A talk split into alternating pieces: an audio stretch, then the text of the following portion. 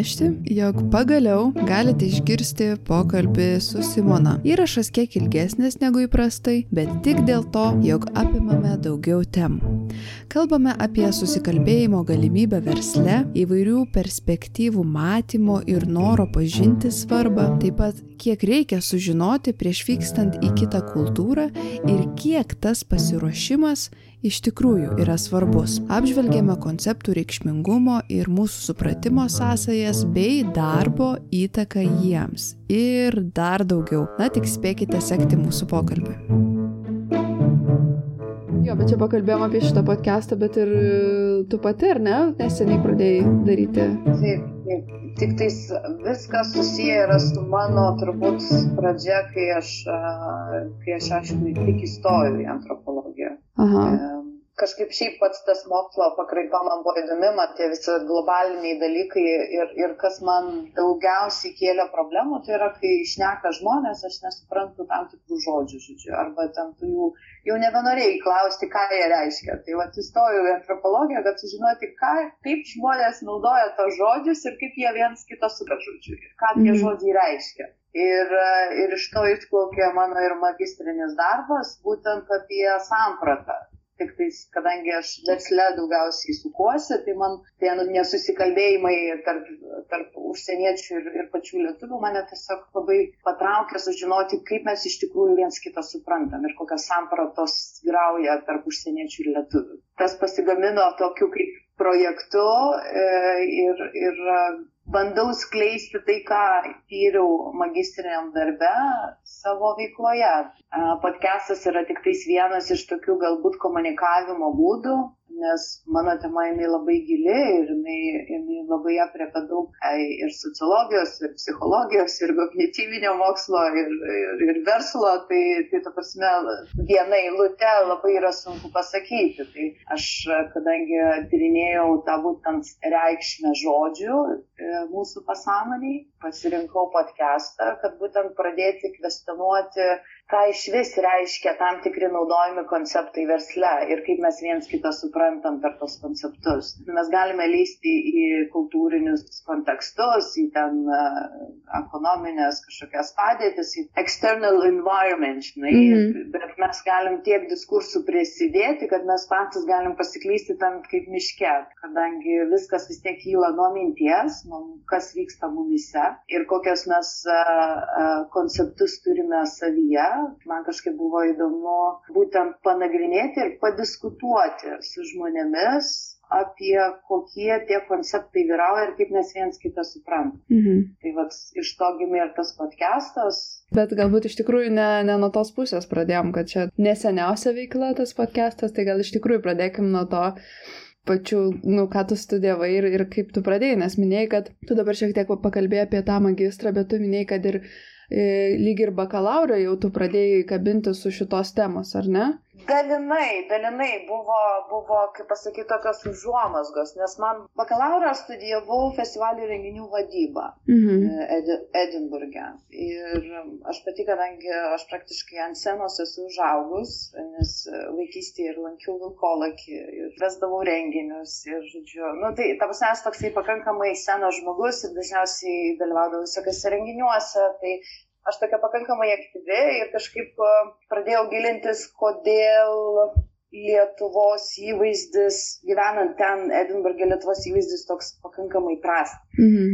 E, ir dažniausiai aš susidurdavau su tokiais labai netolerantiškais, galbūt tokiam netolerantiškom replikom, kad va čia iš Eastern Europe, žinai, ir, ir toks man labai kažkaip strigo į širdį ir galvoju, kodėl, kodėl Mes turime tikrai puikių žmonių, talentingų žmonių. Kodėl apie juos nekalbama? Kodėl mes kalbame apie kažkokius blogus dalykus ir kodėl, žinau, Vokietija gali užsirekomenduoti savo įvaizdį, o Lietuva negali. Ir kadangi aš tai daugiau renginių, renginių versle tyrinėjau, tai man buvo įdomu, vat, būtent kaip per bendradarbiavimą mes irgi taip pat pridedam pridėtinę tokią vertę pačio įvaizdžio kūrimo, kad ta, tas renginys buvo sukurtas Lietuvoje ir vat, kaip jie bendradarbiavo ir kaip jie dėl kokybės rūpinosi. Ir ta komunikacija, vat, būtent kaip mes komunikuojam ir kaip mes vienas kitą suprantam, nes dažniausiai aplamai Lietuvos kultūroje mes mes turime daug konfliktų, labai daug, ne, nu tai va tas toksai, kodėl mes negalime, nu, sąmoningai, draugiškai kažkaip Aha. atrasti kit, kitą bendravimo būdą, ne, kodėl mes turime būtinai nueiti į tokius, labai sakyti, ego žaidimus. Tai aš, aš tai tyrinėjau irgi pakankamai globaliu, globalia perspektyva, nes bendravau ir su džiazo festivalio organizatorium ir E, su turizmo departamento žodžiu vadove ir e, su renginių organizavimo žodžiu asociacija ir visi jie turėjo tam tikrą šiokį savo požiūrį, savo perspektyvą. Vieni sakė, kad, žinai, čia reikia ir labai fainai, kiti sakė, vos nežinai, kam čia to iš vis reikia. Nu, atrodo, tu galėtum kartu dirbti ir sukurti gerus projektus, bet pas tave nusiteikimas tuos projektus daryti dažniausiai yra tik dėl to, kad, ai, nu, va, buvo atliko pinigų, reikia kažkur juos iškišti. Mhm. Man taip kažkaip, nu, vat, nesupratau, kodėl žmonės šitaip masto, kodėl, kodėl e, pasitaikius galimybei nepanaudoti panaudoja visiškai kita pusė a, tų pinigų ir sukuria pridėtinę vertę. Tai tas irgi susideda į tą mūsų vat, įvaizdžio kūrimą, ne? nes nuo mūsų perspektyvos, kaip mes žiūrėsim į savo darbą, automatiškai tu kursi ir savo reputaciją tame darbe. Ne? Tai vat, tik tai tiek, kad čia jau apima ar pačias visas organizacijas. Tas, aišku, sukosi, aš pradėjau dirbti, dirbau ir daugiau galbūt tarptautiniu mastu, dirbau ir, tarkim, reprezentavau vieną viešbutį Bulgarijoje, teko važinėti aplink, žodžiu, Europą. Ir paskui kažkaip po tų visų kelionių mane vis tiek traukė Lietuva ir aš kažkaip pradėjau domėtis tą antropologiją, nes jinai pakankamai buvo globali, plus, sakau, tie žodžiai, kurių aš nesupratau, kad nu, žmonės šneka ir jie vos ne mane akim varto, žinai, kaip tu šitą mm -hmm. nesupranti. Ir niekas nepaaiškina, niekas nekomunikuoja su manimi. Visi turi kažkokią savo perspektyvą, bet, bet kai aš jos bandau paklausti, niekas labai kažkaip ne, ne, neįeina, žinai. Tai aš galvoju, nu gerai, aš išmoksiu, aš suprasiu jūs ir tada mes galėsim gal susikalbėti. Aš suprasiu jūsų perspektyvą ir tada galbūt kažkaip atrasim sąlyčio taškų. O tarkim, kaip tu, nu, pažiūrėjau, aš kaip anksčiau apie antropologiją, tai kažkaip man viskas egzotiškai atrodo į kažkokią šalis ten važiuoti, kažkokias tyrinėti netrastas bendruomenės ir iš pirmo žvilgsnio antropologija nesisėtų su tuo, ką tu dabar veiki? Ja, nežinau, žinau, aš, aš netgi ir savo šitom kolegiam kursiokėm irgi visą laiką pajokaujant sakau, žinai, kad nors du metus tik tais mokiausi antropologiją, bet aš turbūt visą gyvenimą buvau tiesiog pagal charakterio antropologė. Aš visą laiką mėgau stebėti žmonės, aš visą laiką mėgau būti tam tokiam antram plane ir žiūrėti, kaip jie bendrauja, kaip jie komunikuoja, kaip jie elgesi, kokius darbus reprezentuoja, kaip juos reprezentuoja. Ir visas šitas vat, teatro žaidimas, jisai man visada buvo įdomus gyvam pasauliu. Tu matai, kaip susikūrė bendruomenės, tu matai, kaip žmonės nežinau, save reprezentuoja ir save pateikia. Ir visas šitas pateikimo metodas, nežinau, procesas man visada domino. Mhm. Ir kadangi pas mane aplamai aš pakankamai daug kas sukeliavus ir, ir, ir mano, mano draugų ratas labai įvairus, nuo šlavėjos iki, iki verslininko, žinai, aukščiausio lygio. Bet kiekvienas tas žmogus, jisai turi savitą perspektyvą į taip, kaip jisai mato aplinką. Ir, ir vat, įsigilinant į jo požiūrį, tu gali labai išmokti daug ne tik apie supantį pasaulį, bet to pačiu pamatyti kitas perspektyvas ir kažko pasimokyti pats savo. Tai yra, nu, kai sako antropologas, yra daugiau, jisai turbūt nesužino apie tą bendruomenę, bet kiek jisai daugiau sužino pats apie save, mm -hmm. bet tyrinėjant. Ne? Nes tai. mes dažniausiai pažįstam save per kitus. Mums visada reikia refleksijos, mums reikia visada pasižiūrėti, kur nugula mūsų žodžiai, kur nugula mūsų e, reakcijos ar, ar veiksmai. Tai toksai visą laiką savikritiškumas, savęs patikrinimas, kaip aš toje aplinkoje funkcionuoju. E, tai ta antropologija iš tikrųjų jinai labai keistai, bet mano mama sako, va tau reiktų antropologijos studijos. Tu kai visą laiką mėgėjo pasaulio žodžiu pamatyti, tai, tai sako, čia tau kaip tik, žodžiu, toks mokslas. Ir aš tai pirmus metus, ai, čia, ne, žodžiu, mama ką sako, tai visą laiką jinai sako, kad nors man reikia kažką daryti. Tai kažkaip numečiau, bet paskui pradėjau domėtis. Ir, ir kuo daugiau skaičiau, tuo daugiau supratau, kad tai yra aš. Tai yra vat, būtent mano mokslas, kur pakankamai plačiai viską žiūri ir pakankamai kiekvieną tą tokią kaip dalelę sujungia į vientisumą ir pasidalina išvalgą. E, nes aš, pažiūrėjau, kai dažnai irgi kalbu, tai aš labai mėgstu ne tik pasižiūrėti iš tos pozicijos, kur mes dabar esame, bet taip pat kas tą poziciją veikia. O tam reikalingas irgi antropologinis, toks kaip pasakyti, įsilavinimas arba bent jau perspektyva. Nu, kad tarkim, dabar jaunimas tai ne tik, kad, kaip pasakyti, jie uh, turi labai daug sąlygų prieiti prie informacijos, bet taip pat mes turime labai įvertinti ir ekonominę, politinę ir sociologinę uh, infrastruktūrą ir kas tai įtakojo, kad jie būtent tokius veiksmus atlieka, ne? nes antropologija yra apie kaip mes saveikaujam, kaip žmonių, kaip socialinė bendruomenė evoliucionuojasi ne? ir kaip mūsų E, tie įpročiai ir veiksmai keičiasi, įtakojant tam tikram laikmečiui. Ne? Ir, e, ir mes negalim net vien tik tais apimti, kas vyksta dabar, mes turime sužinoti šaknis, iš kur tai ateina irgi taip pat. Tai antropologijos mokslas, jisai labai sąsą turi ne ir su istorija. Tai yra, kad tu be istorijos tu nesuprasi ir kodėl žmonės elgesi dabar taip, kaip elgesi. Tai, yeah. nu, tai vat, man tai buvo labai nu, įdomu, nes aš pati labai gilinuosi ir giliai gan mastau. Kad... O tu dabar paminėjai, kad, na, kalbė apie tuos įvaizdžius, savęs pateikimą, tai tau uh, Goffmano ar ne teorija labai...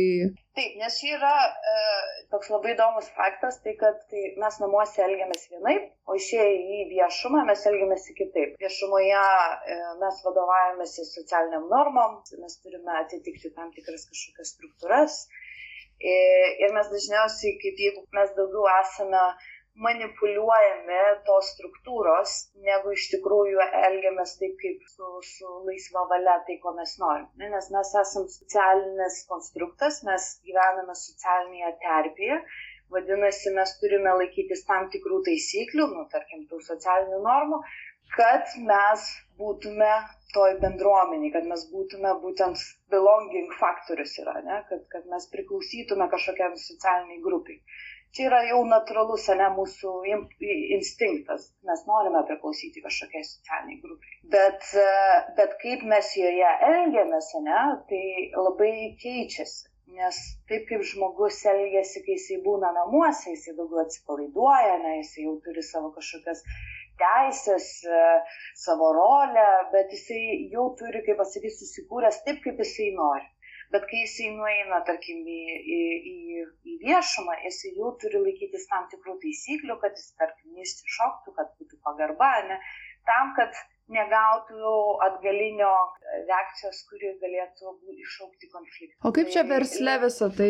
Versle aš taikiau, e, kadangi aš tyrinėjau būtent verslo kultūros sampratą. Mm -hmm. ne, ir šita, šita teorija Goffmano, jinai buvo taikoma vien dėl to, kad pasižiūrėti, kaip verslo kultūros samprata yra kuriama toj bendruomeniai, tai yra toj mažoj bendruomeniai, tai organizacijai. Mm -hmm aš nejau į pačius žmonės, nes aš kaip antropologija aš turiu bendruomenės tyrinėti. Tai man daugiau buvo įdomu, kaip tos sampratos uh, iš tikrųjų susiformuoja, nes mes praleidžiam darbę 8 valandas praktiškai kiekvieną dieną. Mes uh, savo darbę su, kolegai, su kolegom sukūrėme savo kažkokias žodžius subkultūras, ne, mes kažkokius mm -hmm. ritualus turime ir visą kitą, ne. Tas formuoja mūsų sampratą, ne, tas vat, formuoja, kas yra ta verslo kultūra.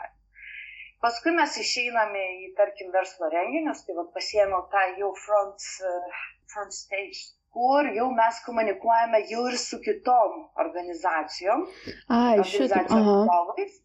Ir mes kiekvienas reprezentuojam savo organizaciją. Ir žiūrėk, mes turime terpę, socialinę terpę, arba socialinį kontekstą, kuriame mes jau komunikuojame su savo tam tikrom perspektyvom, su savo sam, sampratom kurios atėjo iš tų organizacijų. -hmm. Tos organizacijos nors galbūt misija ir vizija kažkas panašaus, bet kadangi tos bendruomenės sukūrė tam tikrus e, kultūrinius modelius, kuriuos aš įvardinu kaip vat, būtent tie tos sampratos, kuriomis mes vadovavomės, kas tai yra verslo kultūra, mes ateinam jau su tam tikra, nu ne tai, kad nusistatymu, bet tokių savo tam tikrų požiūrių, kas tai yra, ne? kas tai nors didžioji dauguma žmonių vis tiek supranta tą pačią esmę, bet kai mes esame toj tokiai maišaliniai tų visų organizacijų reprezentatorių, jie vis tiek, nu, jie atsineša ir savo identitetą, jie atsineša ir organizacijos identitetą, ir jie atsineša tam tikrą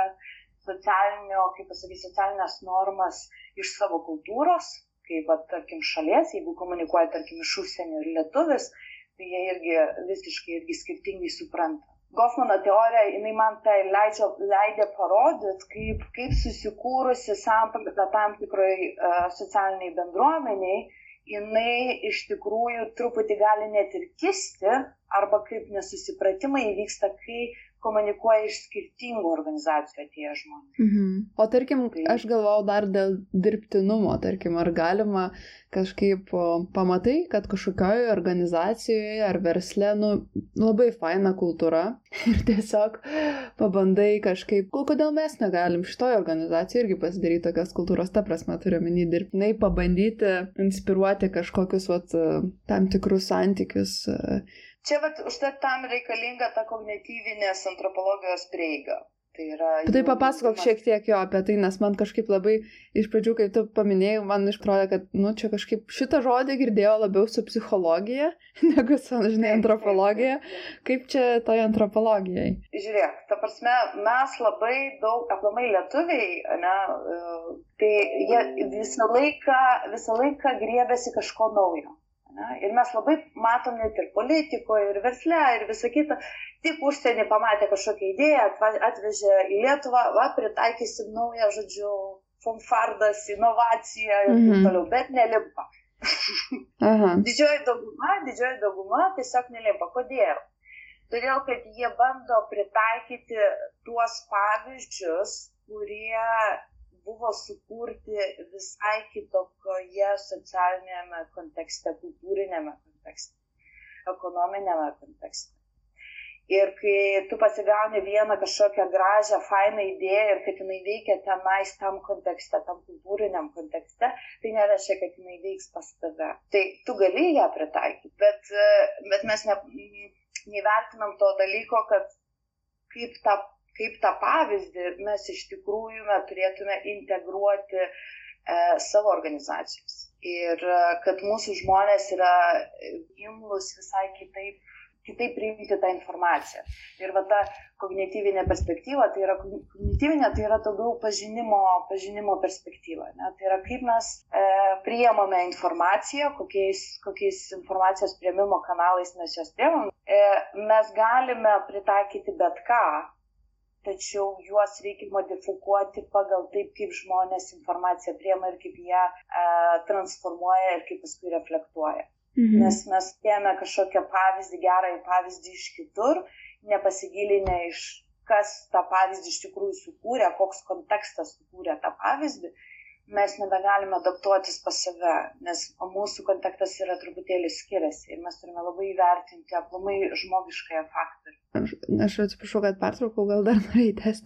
Aš dar vat, dabar čia e, būtent iš tavo to pavyzdžio man ir toks kilo klausimas, kaip, nes ir tavo magistras buvo apie tai, kad e, cross-cultural communication, tai tas bendravimas tarp, tarp, tarp skirtingų kultūrų. Vat klausimas, jeigu, tarkim, tos kultūros labai tokios skirtingos, žinai, ir kaip atrasti tą kompromisą bendraujant, ar, ar dažnai būna kyla klausimų, tarkim, jeigu mes vykstam į vieną šalį, tai čia pagal kokią kokias taisyklės mes turėtume elgtis ar pagal savo taisyklės, arba ar toj vietoje esančias taisyklės. Jeigu jie atvyksta, tai kaip jie turėtų elgtis.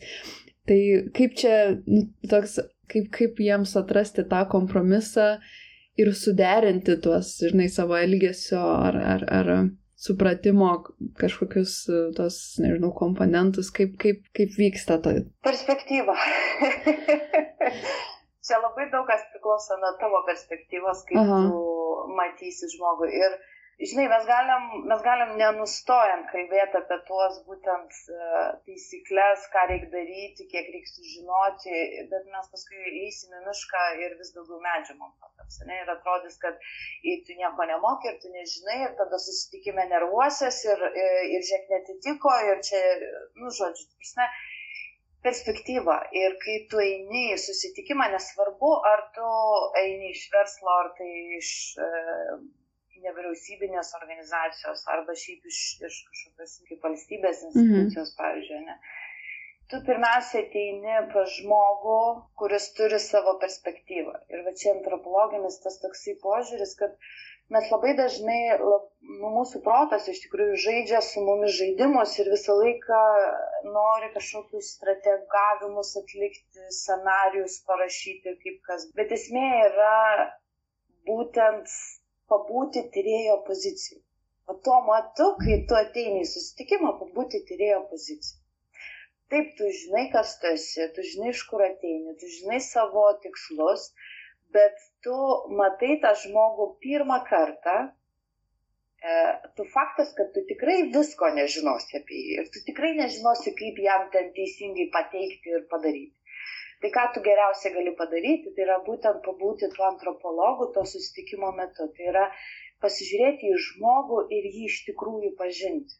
Ir iš tikrųjų susipažinti su kokia, kokioje aplinkoje, kokiam socialiniam, kultūriniam, ekonominiam, kokiame kontekste jisai iš tikrųjų veikia. Ir, vat, pažiūrėjau, per savo tyrimą, ką aš pastebėjau, kai stebėjau um, lietuvių ir užsieniečių susitikimus, Tai kad lietuviai labai būtent fokusuojasi į va, tas struktūras, taisyklės, kaip reikia teisingai atlikti, tas tokias techninius reikalavimus, ar ten viskas atitiks. Ir jie pamiršta, kad prieš jį stovi žmogus. Taip jisai iš verslo sektoriaus, taip jisai atėjo dėl, dėl, dėl bendradarbiavimo, dėl kažkokios partnerystės arba ten verslo susitarimo mm -hmm. pirkti kažką arba parduoti, ne? bet jisai pamiršta, kad, kad, tas, kad tas žmogus jisai yra žmogus. Ir, ir ką, pavyzdžiui, užsieniečiai daugiausiai klausinėja, kai, kai lietuviai bando, žodžiu, irgi klausinėti apie kažkokius techninius dalykus, tai užsieniečiai daugiau klausinėja kaip ta organizacija pas juos veikia. Bet jisai ne tik sužino taisyklės, bet to pačiu jisai sužino ir apie tai, kokia yra verslo kultūra pas juos. Kaip jie yra nusiteikę į bendradarbiavimą, kokį pasitikėjimo rodiklį jie parodė. Tu viską iš to, už tą antropologiją, o etnografija mums ir reikalinga, ne? kad, kad mes identifikuotume, kokiam pasaulyje realiai tas žmogus gyvena. Tai lygiai tą patį ir verslo susitikimą galima padaryti. Ir tie klausimai, jie bus galbūt truputėlį platesni, bet jie duos daug, daugiau informacijos ir jie galės identifikuoti, kiek tas partneris man iš tikrųjų bus patikimas. Kodėl, pažiūrėjau, Švedijoje ne, jie pirmiausia iš vis eina, eina kavos, o pabendrauja šiaip apie kažką, apie hobius ir, ir tik paskui kažkiek pradeda kalbėti apie verslą. Švedai labai, jie jeigu pasirenka partnerį, jeigu jie pasiema verslo partnerį, nu, yra didžiausias ilgas procesas. Dėl ko? Dėl to, kad jie nenori investuoti į trumpalaikius kažkokius verslo santykius. Ne? O mes lietuviai dažniausiai greit, greit padarom, padarom čia vesliukas, susikau, žodžiu, tu tas toksai, men, ne tik mentalitetas, bet ta vat, būtent samprata, kaip mes iš tikrųjų mesgam ryšį, labai daug pasako ir apie mūsų verslo kultūrą. Tai mano atsakymas e, į, į tavo klausimą tai yra tiesiog susitikimo metu pamiršti viską, ką tu žinai, tu kiek žinai, tiek jau žinai. Esmė yra pabūti būtent to turėjo poziciją. Mm, ką tu pasakai, man taip tose verslo santykiuose, susitikimuose vyksta tas e, stebėjimas ir e, ne tik svarbu tas toks formalus bendravimas panašiai, bet svarbu tas ir tie neformalūs pokalbiai turbūt, ne? Kur būtent ar tu susitikimo metu, metu esi struktūros pozicijoje, ar tu esi būtent tos agento pozicijoje. Jeigu tu esi agento pozicijoje, tai būtent tu ir būsi tas tyrėjas, kuris, kuris norės sužinot, kuris, priims kaip naują informaciją, nes informacija pastoviai keičiasi. Ne? Mhm. Bet jeigu tu bandysi kažkokias atitikti struktūras, kažkur vis tiek nesueis galai. Ne? Ir, ir tu turi pabūti to tyrėjo poziciją. Nes uh, Verslas tai ne tik apie pinigus, verslas irgi taip pat apie žmonės ir žmonėms. Versle aplamai santykio kūrimas yra labai svarbus, tačiau mes kartais labai nueiname į tuos techninius dalykus, ne, kaip atlikti darbą, užkalti pinigus, e, žodžiu, suorganizuoti, kad viskas teisingai veiktų, bet mes pamirštam tą žmogiškąją faktorių. Ir paskui pasirašytos misijos, vizijos, nu, galima kišti šiukšlių dėžę. Tai kam tada mes jas rašom? Vizijos, misijos, jos jos ir yra būtent tas, ta perspektyva, ta mūsų perspektyva versle. Aš nusprendžiau daryti verslą šitą perspektyvą, mano visi, misija, vizija yra tokia, uždaviniai tokie, bet mes taip įsisukam į tas struktūras ir atitikti kažkokias taisyklės, kaip ką reikia daryti. Yra tam tikros programos, kurios irgi taip pat padeda e, mums susitvarkyti su didelė domenų bazė. Žinai, viskas yra labai gerai. Bet čia kaip ir su mūsų telefonais, ne? mes mes taip įeinam į tą telefoną ir mūsų smegenis tiek dėmesys sukoncentruotas į tą telefoną, kad mes nebepastame, kas aplinkoje vyksta. Aplinkoje tiek daug informacijos, kur tau nereikia to telefono, kur tau nereikia tų struktūrų, nes paskui tu pats pradedi pasidėti save į stresinės situacijas, nes tu vadovausi struktūrom, o tų struktūrų begalės. Ir kurias čia dabar atitiks, žinai. Mm. Bet esmė yra, ta prasme, vat, būtent būti to tyrėjų. Ir to tyrėjų tai yra susirinkti informaciją, kuri čia ir dabar prieš tavo akis. Ir antropologai, užtat, kuo, kuo mane žavė šitą, sakau, sritis, tai yra, kad mes ne su telefonu ateinam ir, ir kaip pasakyti, googlinam tam, kaip ta bendruomenė, žodžiu, ir tą visą informaciją apie ją sužinom. Mes dalyvaujame, mes būname su jais. Nes iš polgių, nes iš elgesių, nes iš minčių, iš refleksijų iš visko, ką žmonės pasakoja, mes matome jų pasaulį sampratoje, vad būtent tam kaip pasakyti, kognityviniai to perspektyvų. O kaip, tarkim, įvairiose konferencijose, žinai, būna tie pristatymai visokie, kur ten, nu nežinau, keletą klausimų gali paklausti žmogaus, žinai, bet irgi for, formaliu būdu. Nu ir paskui jau po to yra tie, nežinau, arbatos, kavos, žinai, tos pertraukėlės, tie neformalūs pokalbiai. Nu ir tada tu turi kažko, kažkaip kitaip įsijungti ir atrodo kažkokias kitokias savybės pajungti. Nes... Nu, aš papriestraučiau, bet. Tai gerai, gerai. Kaip šnekėt, ką šnekėt, tai tikrai matau, kad yra pas daugelį. Ir, ir netgi man pačiai dalyvaujant tose um, tinklaveikos, tie tokie renginiai uh, būna, ne? aš matau labai daug uh, tokio teatro. Mhm. Ka, tokia, jau bendrauji su žmogumi ir jauti jauti scenarijų jo galvoj. Mhm.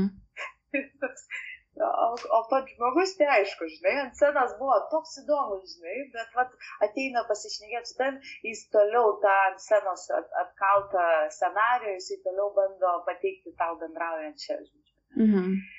Nes tu kaip ir Čia. įsivaizduotum jau kitaip pamatyti tą žmogų jau. Uh... Tavas, aš kiek daug, daugiausiai tai pastebiu, bet uh, bet tikrai yra, yra kaip pasakyti, kur tikrai galima jau giliau panalizuoti. Nes, bet čia vėl priklauso, ar tu veiki iš struktūros, ar tu veiki iš, iš agento pozicijos. Jei tu veiki iš agento pozicijos, tai tu nueisi ir pasiklausi. Bet jeigu tu veiki iš struktūros, tu save pirmiausia identifikuosi, kokia, kokioje hierarchijos pozicijoje tu esi ir tas labai įtakos ir tavo bendravimą su to žmogumi. Ir čia kaip žaidžia mūsų, vad būtent samprata su mūsų smegenimis ir paskui ta struktūra mus pačius valdo. Ir mes nebetenkame kaip agentas, nebetenkame galios ir mes pradedame atitikti kažkokias taisyklės, kažkokias žodžių, bet tu mm. tada nepamatysi tikrojo žmogaus. Tai čia, čia vėlgi labai priklauso ir nuo tavo autentiškumo, kaip tu prieisi prie to žmogaus. Tai pirmiausia, pagirti ir pasakyti, kad tai buvo labai be galo įdomu. Mes net ir studijų metu, ne, nu, vat, turime, e, turime diskusiją, ne, dėstytojas yra, dėstytojai dažniausiai mes e, identifikuojama kaip tas, kuris daugiausiai žino. Bet jeigu šitą faktorių išimtume iš savo galvos ir pagalvotume, kad tiesiog labai įdomu pasi, pasidis, padiskutuoti ir su dėstytoju, ir su kursiokais visiems kartu, tai mes turime nerealias diskusijas. ką mes, pavyzdžiui, aš, aš savo studijų metu mes turėjom su mhm. mūsų, aišku, mylimiausias buvo Barijosas, kur, kur dėstė apie taikomąją antropologiją, metodologiją ir to pačiu projekto paaiškinimus toksai pakankamai sujungtas dalykas buvo.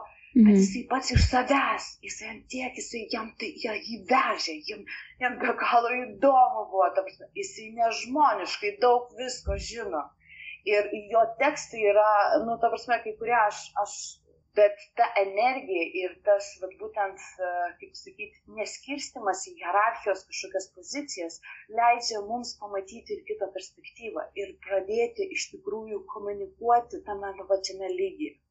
Nes jeigu mes neskirstysim į dėžutės ir nedėsime kažkokių e, etikėčių kiekvienam žmogui tas toks, tas toks, tas toks, ne, tai mes turėsime nuostabų apsikeitimo perspektyvų.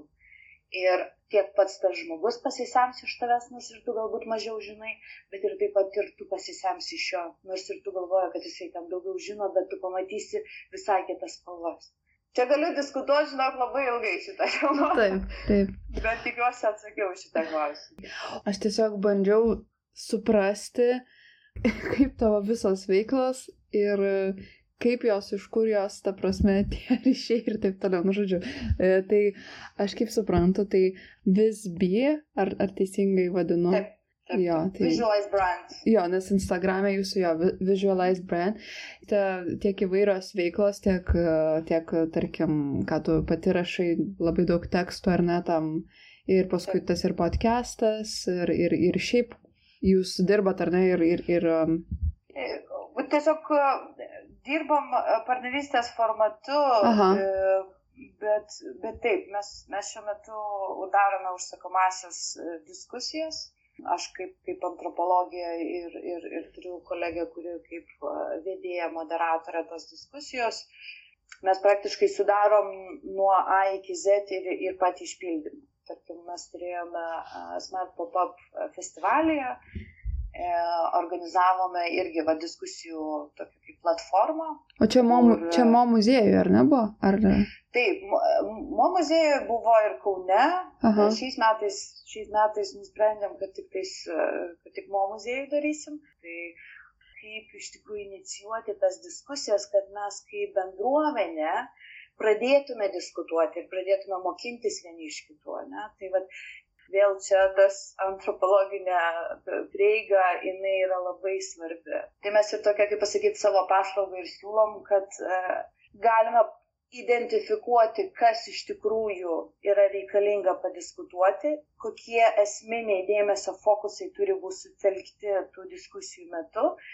Ir e, kadangi tai yra labai didelis darbas su auditorijos valdymu, mes stengiamės ne tik, kaip pasakyti, pateikti projektą, kokios temos ir kaip, apie ką turi būti kalbėti ir kokiam perspektyvom mes turime apie tai pradėti kalbėti ir kokie galbūt net pranešėjai tai galėtų inicijuoti, nes irgi taip pat nuo, nuo pranešėjų sinergijos, ne, to, kaip pasakyti, bendradarbiavimo diskusijos metu labai irgi priklauso ir diskusijos kokybė.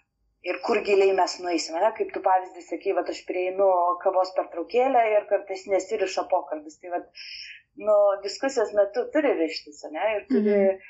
turi, kaip pasakyti, kaip į ugnį primestų malkų, žinai, ir kad diskusija plėstųsi, žinai, ir kad visi visi įsijungtų, ir kad tokia kaip vibracija plėstųsi ir į auditoriją, ir tada auditorija įsijungtų. Tai vat, visą tai, kaip padaryti, ne, tai, tai mes tai ir specializuojamės. Čia, kaip suprantu, jūs nemažai prisidėjot ir, ir, ir bendradarbiauti su įvairiais meno projektais, nu tai žodžiu, kad tik ne, ne, ne tik verslo, tą turiu omenyje, ar ne? Verslas yra galbūt daugiau ta, e, čia, čia mūsų ta tokia galbūt šviečiamoji pusė, ne, nes aš pati pati, kadangi ir tą magistrą rašiau, ir, ir mano kolegė, e, moderatorė, su kuria mes, mes tą podcastą šiuo metu darome, ne, šviečiam apie tą verslo kultūrą iš kitokios pusės. E, jinai, jinai pati yra verslininkė, mokytoja, dėstytoja, tai ta, ta tokia mūsų, mūsų irgi misija yra, kad mes pradėtume apie tą verslo kultūrą truputėlį galvoti giliau, o ne tik tai mes užtat ir inicijuojam tą, kaip pasakyti, tokią, kodėl verslo kultūra ir kodėl aplamai verslas, vien dėl to, kad mes labai didelę dalį savo gyvenimo praleidžiam uždirbant pinigus. Ne. Mums pinigai yra reikalingi, tai yra pagrindinis šaltinis, kad mes išgyventume, bent jau mūsų kapitalistinį visuomenį. Ir mes praleidžiam labai daug laiko uh, organizacijose, ne savo versluose arba šiaip darbė. Ir automatiškai formuojasi mūsų tam tikri elgesio modeliai. Dažnas, kuris vis tiek vienaip elgesi su kolegom, es grįžta namo, jis vis tiek dalį kažkiek to, kas, ką jie sukūrė su, su bendradarbiais, tam tikrus mažus tokius elgesio, elgesio modelius jie vis tiek persineša į savo aplinkas, tas asmeninės aplinkas. Nu jo, nes yra tos e, karikatūros čia gal senesnės, bet darbe ant tavęs bosas važiuoja ir Taip. spaudžia tave, tada grįžti namo tu važiuoja ir spaudi, Taip. tada iš namų kažkoks Taip. vaikas namuose pasiema ir ant kokio šuns, kad maždaug Taip. tie patys santykiai maždaug atsikartoja.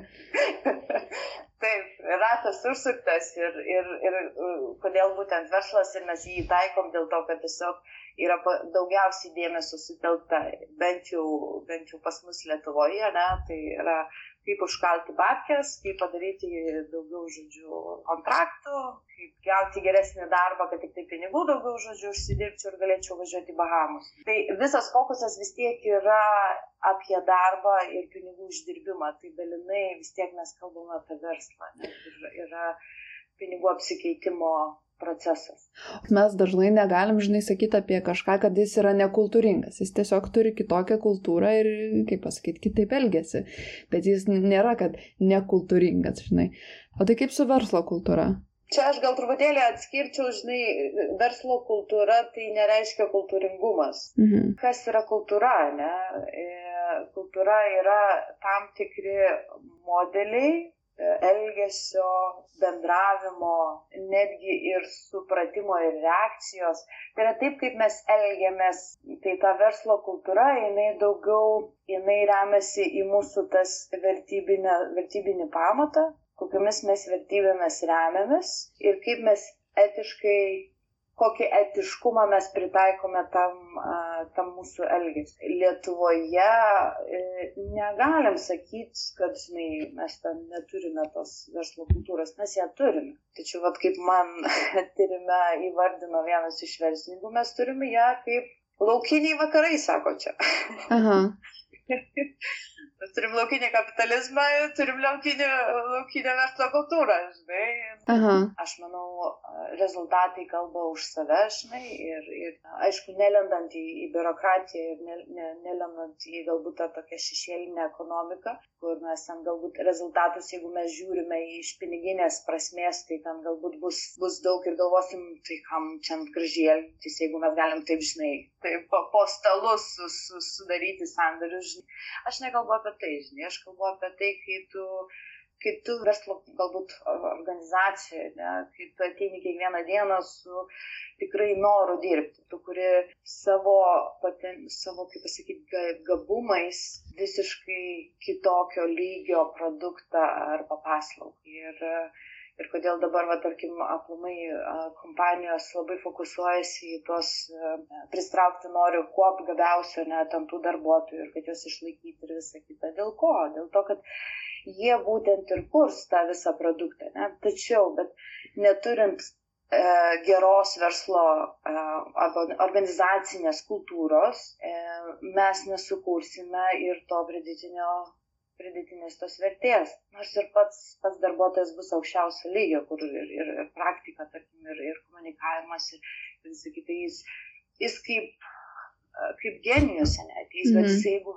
organizacijoje, kur, kur verslo kultūra yra nulinė ir jokios pagarbos nėra, hierarchija vadovaujasi ir, kaip pasakyti, tu ten turi žaisti kažkokius povandeninius žaidimus ir išsikovoti savo vietą. Nu, žmogus tas, kuris atėjo panaudoti savo protą į rankas, sukurti kažką daugiau negu tiesiog atlikti darbą, tai tokioje organizacijoje ilgai neužbūm. Kai viduj yra nefainai dirbti ir kai nėra bendradarbiavimo tarpusavio, kai nėra tos pagarbos vienas kitam, kai nėra tų tokių pagrindinių vertybių, kurios sutinka su visais, tai mes nesukursime nei geros bendruomenės, nei mes išauginsime kažkokį verslą, nei mes sukursime aplamai gerus santykius su partneriais ar klientais. Ne? Tai čia užtat ta verslo kultūra yra pagrindas. Mhm. Pagrindas. Mhm. Vis, tu gali daug žinoti apie verslą, tu gali žinoti labai daug, kaip pasakyti, kokias strategijas taikyti, kaip reikia ištyrimus atlikti, visą tai tu gali žinoti, bet jeigu tu nemokėsi to iškomunikuoti, tai esmė labai yra paprasta. Tai yra, vad kokiam vertybėm tu grindi savo būtent verslo kultūrą. Kaip tu vertini žmogų, kuris dirba tavo komandoje, kaip tu jį žiūri, ne, kokios, iš kokios pozicijos tu žiūri. Ar tu žiūri su juo kaip su lygiu ir su partneriu, nesvarbu, tai jis yra e, tiesiog atėjo nuvalyti dulkes nuo stalo, ar tai yra programeris sėdintis 24 valandas per parą. Nuo tavo požiūrio, nuo tavo perspektyvos ir nuo tavo mokėjimo pamatyti kito perspektyvą labai priklauso ir tie rezultatai. Užtat ir sakau, mes lietuviai labai fokusuojasi į tas techninius visus dalykus ir jie pamiršta tą žmogišką faktorių, kuris ir sudeda tą verslo kultūrą. Labai daug arogancijos matau verslė. Aš. Lietuvos versle aš matau labai daug arogancijų. Aš nekalbu apie užsienio kapitalo įmonės, bet tarkim tose mažosiuose versluose yra yra vis dar vyraujantis tas toksai gan ego, iš ego skatinamas, toks, kur, kur hierarchija organizacijos viduje labai turi didelę prasme. Ir, ir tas labai trikdo, trikdo komunikavimą ir tas labai trikdo nu, produkto kūrimui. Tai Tiesiog toks galbūt pastebėjimas, kad dažnai, um, kaip čia pasakyti, vaikomasi to, kad reikia turėti tą kultūrą ir, tarkim, susikūriamas kažkokios, kaip žinai, tos vadinamos vertybės, skambų žodžiai, žinai, tarkim, kaip ir at, policija turi ten ginti, saugoti, padėti, nu tai čia tiesiog toks pavyzdys, bet turiu kad kitos, žinai, kažkokios verslo įmonės susikūrė va tokius šūkius, kaip kai mes matome ir priekybos centruose būnagi didelėm raidėm užrašyta, bet, bet paskui pasižiūrė, žinai, tos darbuotojus ir galvoju, ar iš tikrųjų taip yra. Nes buvo, tarkim, ant Kauno švaros automobilių, aš šiek tiek nusistebėjau, kad, kad jų toks šūkis, bet dabar tiksliai neatsimenu tų žodžių, bet buvo kažkaip parašyta išmintis, pagarba ir dar kažkoks žodis, kur atrodytų iš vienos pusės keistai, iš kitos pusės nežinau, ar čia sako kažką, nu net nepagalvotum, kad jeigu jos tokios vertybės, tai netrodytų, kad jinai tai komunikuoja, žinai. Ar, ar iš tikrųjų nebūna kartais, kad, um, kaip pasakytas, vat, fasa, fasadas, kad tarsi pateikia, kad va mes, ne, mes turim šitą dalyką, mes turim tą kultūrą, va čia mūsų tokias vertybės, bet iš tikrųjų pažiūrėjus, žinai, į tą organizaciją, turbūt, kad nelabai jie tarpusavyje bendrauja, žinai, taiko tas vertybės ir, ir, ir panašiai. Čia labai gili problema, žinok. Ir, ir aš dėl, aš dėl šito, ta prasme, tas mano magistras buvo, ir tas tyrimas mm buvo. Ir, ir dėl to ir ta veikla mano, kaip pasakyti, tai kai, kai tu skambiai tokius parenki žodžius, ne, kur pasiemiai Nes tarkim, iš užsienio, kad va, jeigu užsienio naudoja tokius, žinai, žodžius, mes galvojam irgi pakeisim jų sampratą. Ne, taip nevyks. Nes Nes mūsų samprata yra, kaip pasakyti, mūsų požiūris yra visai kitoks. Ir tu pirmiausia turi jį išklausyti, jį išvalyti ir tada naujus konceptus įdėkti ir jiems reikšmės. Ir čia tas, žinai, hierarchijos, uh, hierarchijos modelis, jisai labai pakiša kojas. Kodėl dabar apie lyderystę pradedame ne, kalbėti? Nes jeigu, nes tu numetė idėją iš viršaus, okei, okay, viskas yra tvarkoje, pagarba tau yra, tačiau būk lyderis o ne bosas, kur nurodyt pirštu. Ir ypač dar su mūsų kultūra, kuri tikrai yra, nu, sakau, ta prasme. Nes aš tiesiog, vat, prisiminiau, kaip, nu, čia grinai apie kultūrą darbe, kaip vienoj darbovietėje tiesiog buvo toks momentas, ten duomenų apsaugos e, prasidėjo, žinai, tie dalykai ir panašiai. Ir mes kažkaip pasižiūrėjom, kad ir etikos kodekso tarp darbuotojų nesam susirašę, tai tiesiog dėl, dėl priekabiavimo, dėl e, žeminimo ir panašiai, tiesiog tokį kaip etikos kodeksą, žinai, pasirašyti reikėjo. Bet vėlgi klausimas, čia, žinai, vėlgi sakau, ta biurokratija, tu pasirašai, kad uh, mūsų to, tam organizacijos kultūroje tokių dalykų kaip ir negali būti, bet kaip tai yra įgyvendinama, tai niekas nesistengia, žinai, to įgyvendinti. Va čia pasako, va žiūrėkit, yra toks naujas dokumentas, mes dabar turime taip elgtis. Tai labai keista. Taip, taip. ir, ir keista, ne, ne keista, to prasme, į popierių surašėm, viskas tvarkinga, jeigu pakels šumą, taip. mes turėsime popierių ką parodyti. Taip.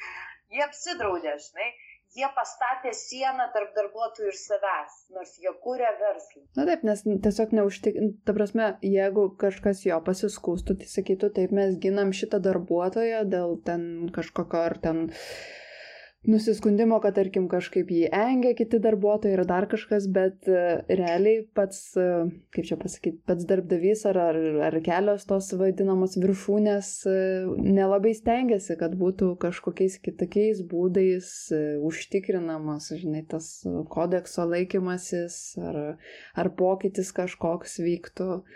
Jo, tai tiesiog dokumentas, kuris atsiranda arba, arba šūkiai, kurie atsiranda. O aš dar norėjau tavęs paklausti, kaip trumpai įvardintum, kaip iš, ar, ar yra apskritai galbūt kažkaip matuojama ta verslo kultūra, kaip, kaip pasakyti, kad turbūt taip nėra, kad balta ir juoda, žinai. Jos pamatuoti kaip ir nelabai tu galėsi. Mhm. E, tu ją gali tik tais į, įvertinti a, per save. Ir, ir tas galbūt e, esminiai tie faktoriai, tai tarkim, at, pavyzdžiui, per, iš mano tyrimo esminiai, kaip sakyti, nesusikalbėjimai, kurie vyko, tai jie dažniausiai buvo dėl uh, um, vertybių skirtumo, etikos normų skirtumo ir prioritetų skirtumo. Tai aš bent jau šitus identifikavau, kurie galėtų, žinai, nusakyti, pagal ką tu gali pasitikrinti, ar ta verslo kultūra, kurioje gyvena tas ta organizacija, ne, veikia ta organizacija, e, jinai sutiks ir su tavo perspektyvą į verslą ir kaip tu jį organizuoji. Mano toks įvertinimas. Aišku, yra begalės, begalės modelių, begalės yra ir gairių. Ta prasme, tu gali prisirasti internete pilną, pilną, kaip tu gali įsivertinti. Ir, ir, ir tikrai yra begalės ir, ir straipsnių, ir, ir mokymų, ir, ir, ir nu, visko, ko tik tais nori. Bet esmė yra vis tiek ta pati, ar tu veiki iš struktūros, ar tu veiki iš uh, agento pozicijos. Ir kai tau iš tikrųjų tu tą verslą sukūrėjai ne tik, kad uh, pinigus uždirbti, tas pagrindinis esminis dalykas jisai išlieka, bet taip pat kokia ta misija to verslo yra ir kaip tu ją įgyvendini kiekvieną dieną, elgdamasis, bendraudamas, kurdamas, e, darydamas darbus. Vat nuo čia ir atsiranda ta verslo kultūros standartas, kuris tu pamatai, nu, tu, tu ateini į organizaciją, kur tau nu, tikrai įdomu ir, ir tu tikrai nori investuoti ir tikrai jauti pasitikėjimą tą organizaciją. Va čia ir yra tas tas pridėtinė vertė tos verslo kultūros prie tavo verslo. O kaip tarkim dėl pokyčio, aš vėl pertraukiau šiek tiek tavo mintį, bet kaip tas pokytis, ar jisai greitai įmanomas, ar nes tarkim ateini, sakai, nu jo, pas jūs prasta kultūra ir jums reiktų tą ir tą, žinai, daryti. Kaip, kaip tas pokytis, ar jisai įmanomas, ar iš viso reikia viską greuti ir iš naujo.